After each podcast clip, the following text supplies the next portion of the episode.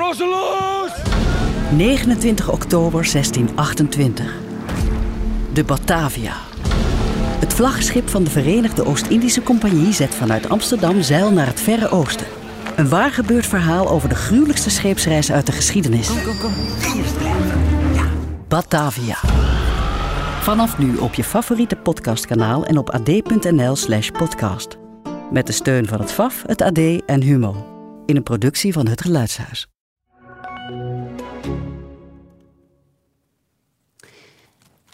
Herinnert u zich nog wel het moment dat u ontdekte dat u in aanraak, in, in botsing was gekomen met de Peugeot?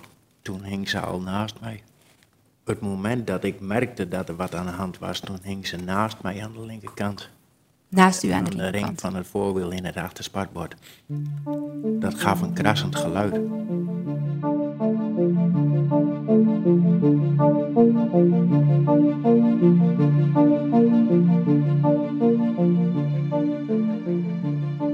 Het is dinsdagmiddag. De werkdag zit erop. Snel naar huis. Nou ja, snel. Zoals altijd wordt er veel drukte verwacht op de weg. Maar deze keer ben jij niet degene die stilstaat in de spits, maar de oorzaak van de file en de rode kruisen boven de rijbanen. Mijn naam is Emma Ties en je luistert naar de Zaak X. Een podcast van het AD in samenwerking met het podcastkantoor, waarin we wekelijks een spraakmakende rechtszaak bespreken. Met deze week meegesleurd door een vrachtwagen.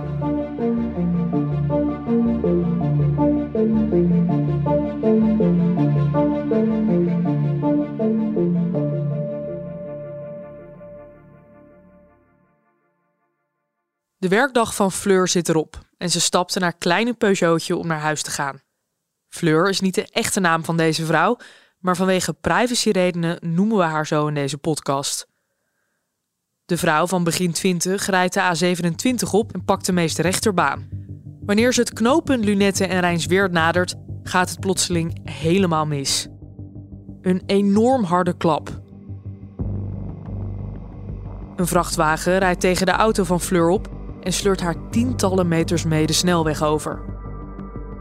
Als Fleur haar ogen weer open doet, ligt ze buiten op het asfalt. De ambulance is al uitgerukt en op de matrixborden boven de snelweg worden de rode kruisen aangezet. Fleur ligt nog met haar hoofd op het asfalt. Ze voelt de koude weg onder zich en ziet hulpverleners om haar heen bewegen. Fleur heeft pijn. Ze voelt dat het foute boel is. Je hoort Art Schouten van het AD Utrechts Nieuwsblad. Hij vertelt wat de enige gedachte is die op dat moment door Fleurs hoofd gaat. Ik ben stervende. Ehm, ik moet een moment kiezen eh, om afscheid te nemen van mijn vader. En ze hoopt dat hij in de buurt is. Dat is hij natuurlijk niet. Maar zij heeft echt op dat moment eigenlijk al ehm, gezien de klap en wat er gebeurd is en hoe ze zich voelt. eh, een soort van vrede mee dat ze aan het overlijden is. En ze kijkt wanhopig om zich heen en voelt zich heel alleen omdat haar vader er niet is.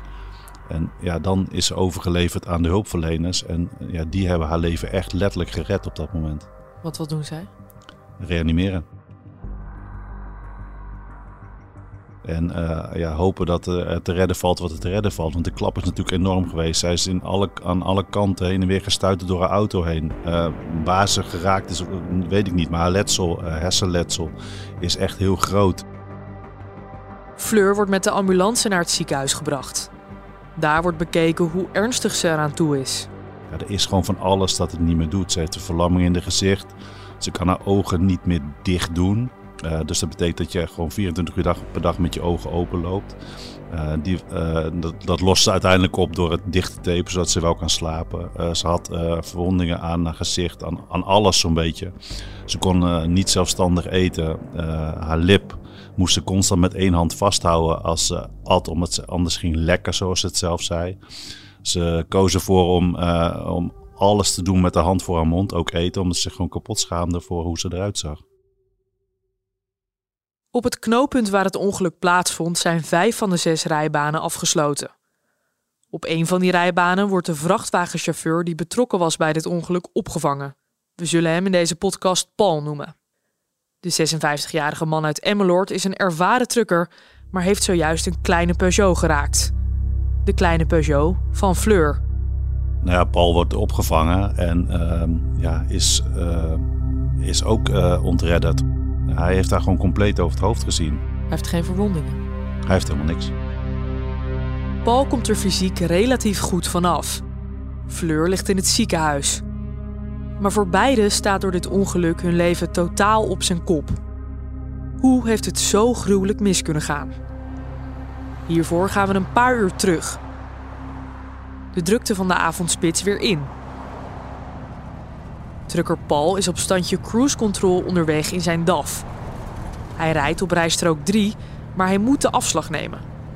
Om van de A27 de A28 te pakken, schuift hij drie banen op. In één vloeiende beweging naar rechts. En dat doet hij in 12 seconden. Uh, het is natuurlijk een beweging die elke trucker heel vaak doet. En zeker als het uh, niet super druk is, en dat was het op, op dat moment niet.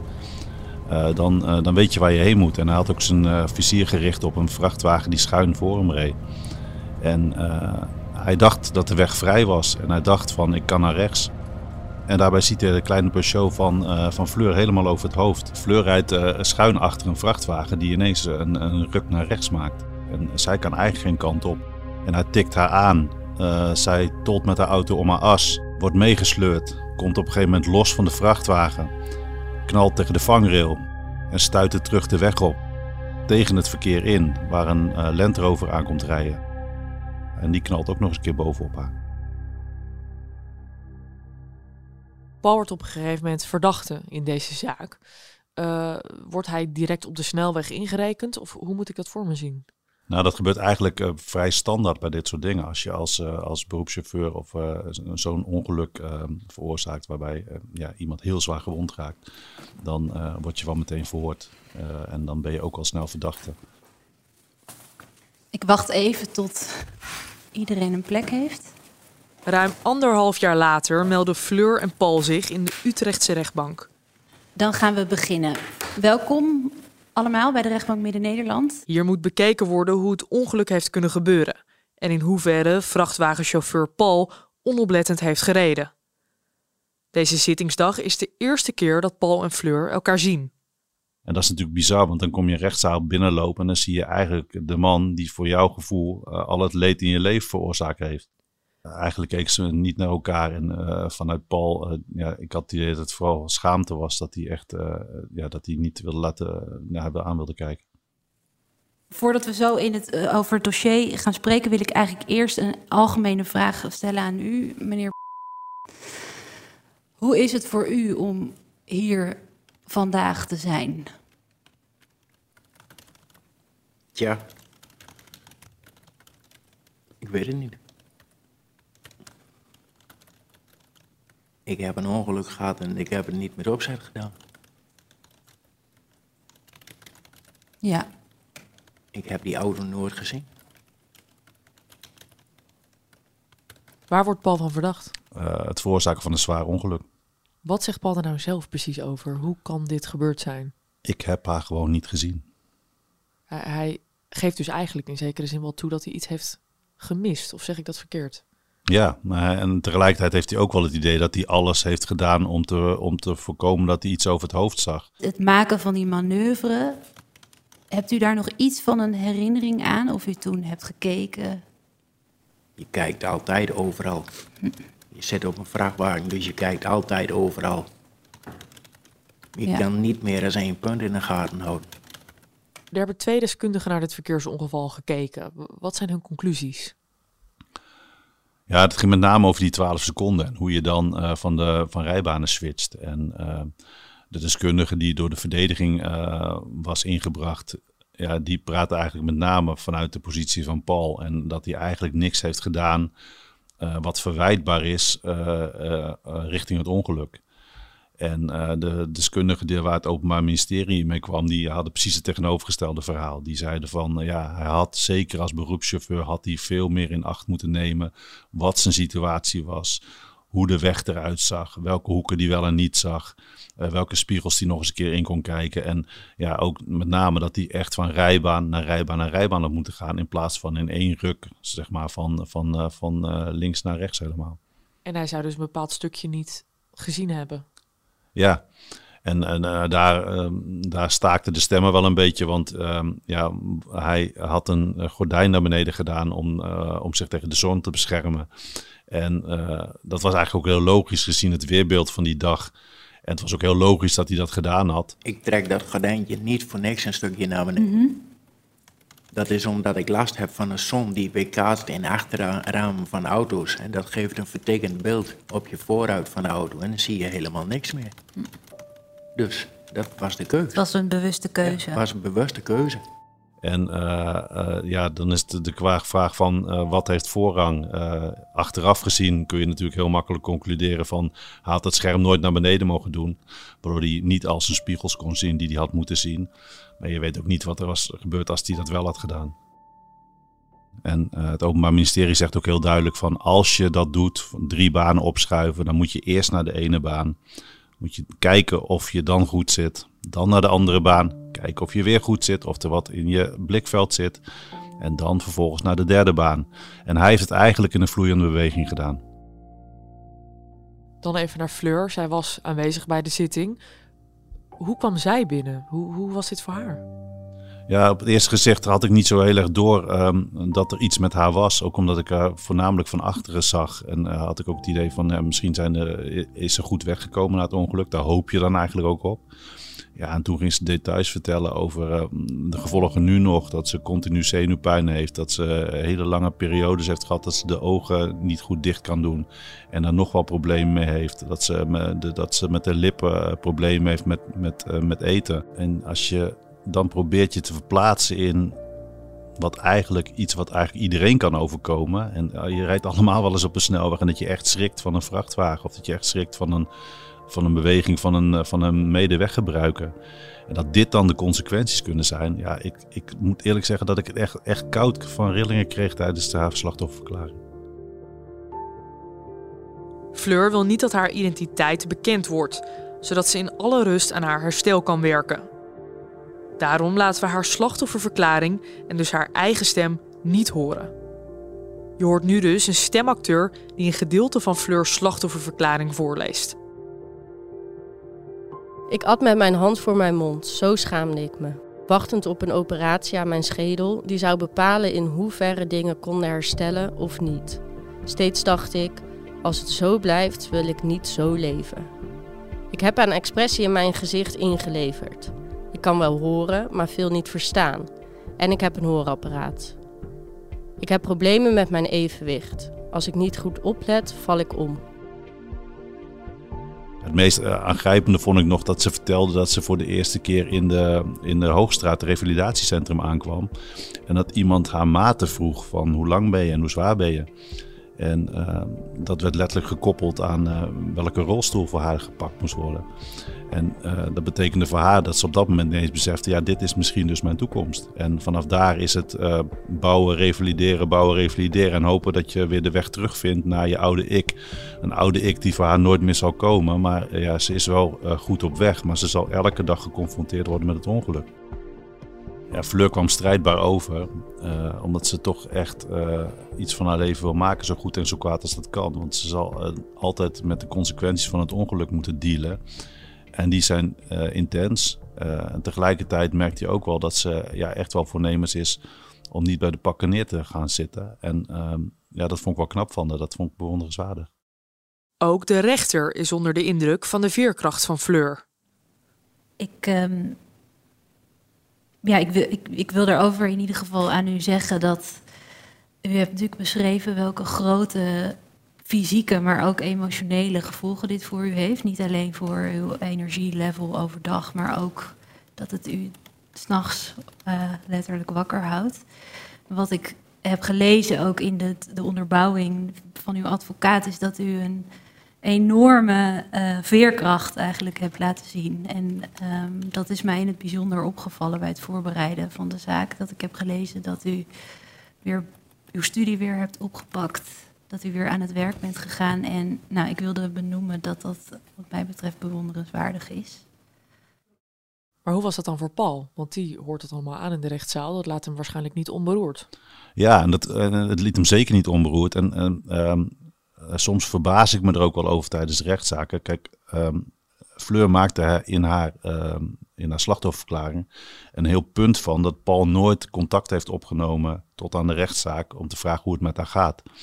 En dat was voor haar echt een groot punt. Van ja, had hij maar spijt betuigd, had hij maar in ieder geval gevraagd ehm, ja, eh, hoe het met me was, uh, had hij maar een bloemetje gestuurd. En Paul op zijn beurt zei van ja, ik had dat niets liever willen doen, maar het werd mij afgeraden door de politie.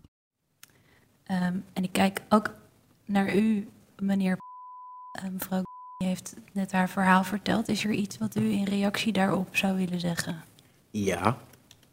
Het is, uh, ik ben niet direct weer achter het stuur gestapt. Dat ten eerste niet. Maar ik heb ook uh, contact proberen te zoeken. Hm. Maar dat is mij van alle kanten tegengehouden. Oké, ik heb ook ergens gelezen, inderdaad in een verhoor, dat u hebt aangegeven dat u open stond voor een gesprek met mevrouw. Ja. En is dat op, zou dat op dit moment ook nog steeds zo zijn? Misschien wel. Ja.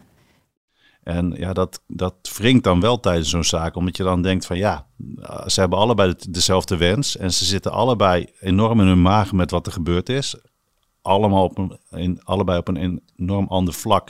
En je kunt het niet met elkaar vergelijken. Maar ja, ze, ze zijn wel allebei die dag op weg gegaan zonder uh, de intentie te hebben om bij een ongeluk betrokken te raken. En dat merkte je tijdens de zaak wel, dat hij gewoon heel erg zat met ja, wat, wat de gevolgen zijn geweest. Kon hij dat ook wel laten merken in de zaak? Heeft hij zijn excuses bijvoorbeeld aangeboden aan haar? Ja, hij liet dat wel merken. En hij, uh, ja, dat zag je ook wel aan uh, dat, dat hij gewoon echt tot tranen geroerd was. En ja, ook maar bleef herhalen van, ik weet gewoon echt niet hoe dit fout heeft kunnen gaan. En tegelijkertijd uh, had hij, heeft hij er ook wel moeite mee dat hij vervolgd wordt voor het ongeluk, omdat hij echt het idee heeft dat hij niks fout heeft gedaan.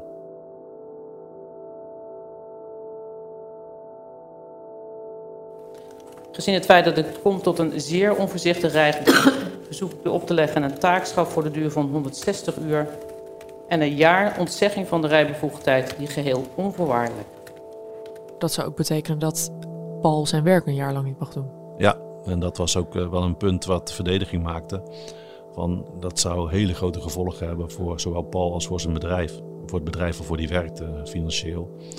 En uh, het Openbaar Ministerie vond het wel belangrijk om die twaalf maanden te eisen.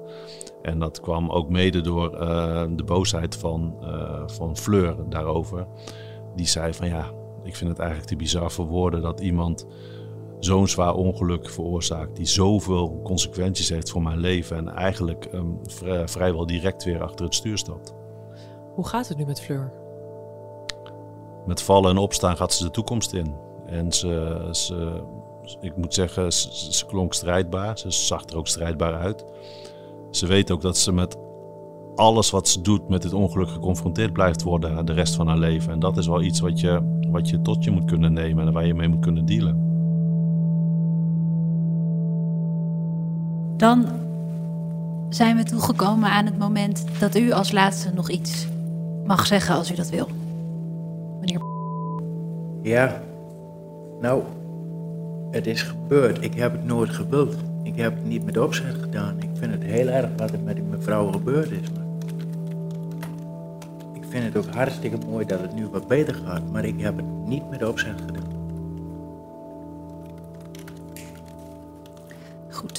Dat wilde u nog zeggen. Dank. Dan sluit ik het onderzoek. De rechtbank gaat zich beraden en zal een beslissing nemen en uitspraak doen over twee weken. Dat is op 23 november. Dank allemaal voor uw komst en voor uw toelichting. En dan ronden we het hierbij af.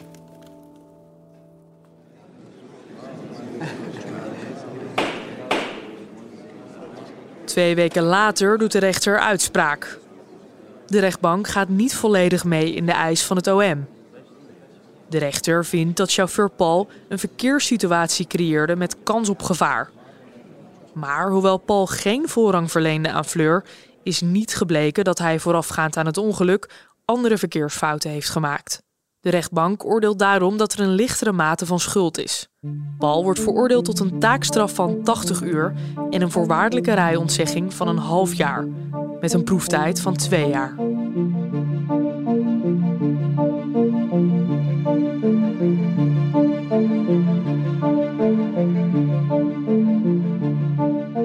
De Zaak X is een wekelijkse podcast van het AD.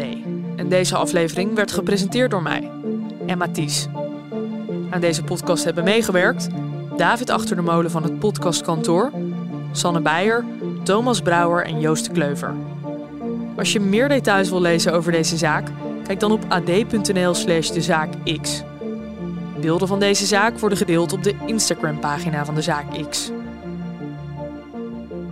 Vond je dit een goede podcast? Laat dan vooral even een review achter, zodat we beter vindbaar worden voor nieuwe luisteraars. Wil je ook de volgende aflevering niet missen? Abonneer je dan op dit kanaal.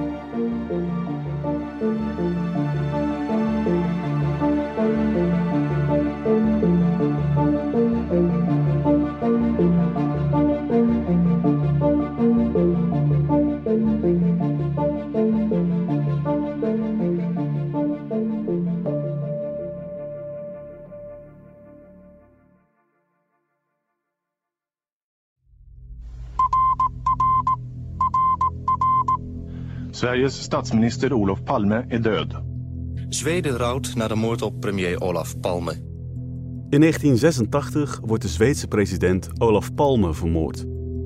En vanaf dat moment is de politie van Stockholm met niets anders meer bezig dan het zoeken van de dader. De aanslag werd gepleegd op de hoek van de Tunnelstraat en de Sveaweg. Maar kort daarna wordt er nog een moord gepleegd. Eentje die door deze massale klopjacht veel minder aandacht krijgt.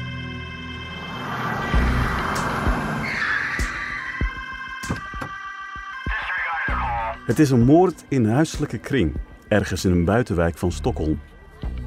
Het slachtoffer is een 30-jarige vrouw. De dader, haar stiefzoon Samir Sabri. En vrijwel gelijk als de politie ter plaatse is, bekent hij haar vermoord te hebben. Maar kort daarna komt Samir terug op zijn bekentenis. Hij is onschuldig, zo zegt hij. Klopt het wat Samir beweert? Is hij echt onschuldig? En als hij de moord niet pleegde, wie dan wel? Je hoort het in De Stiefmoedermoord,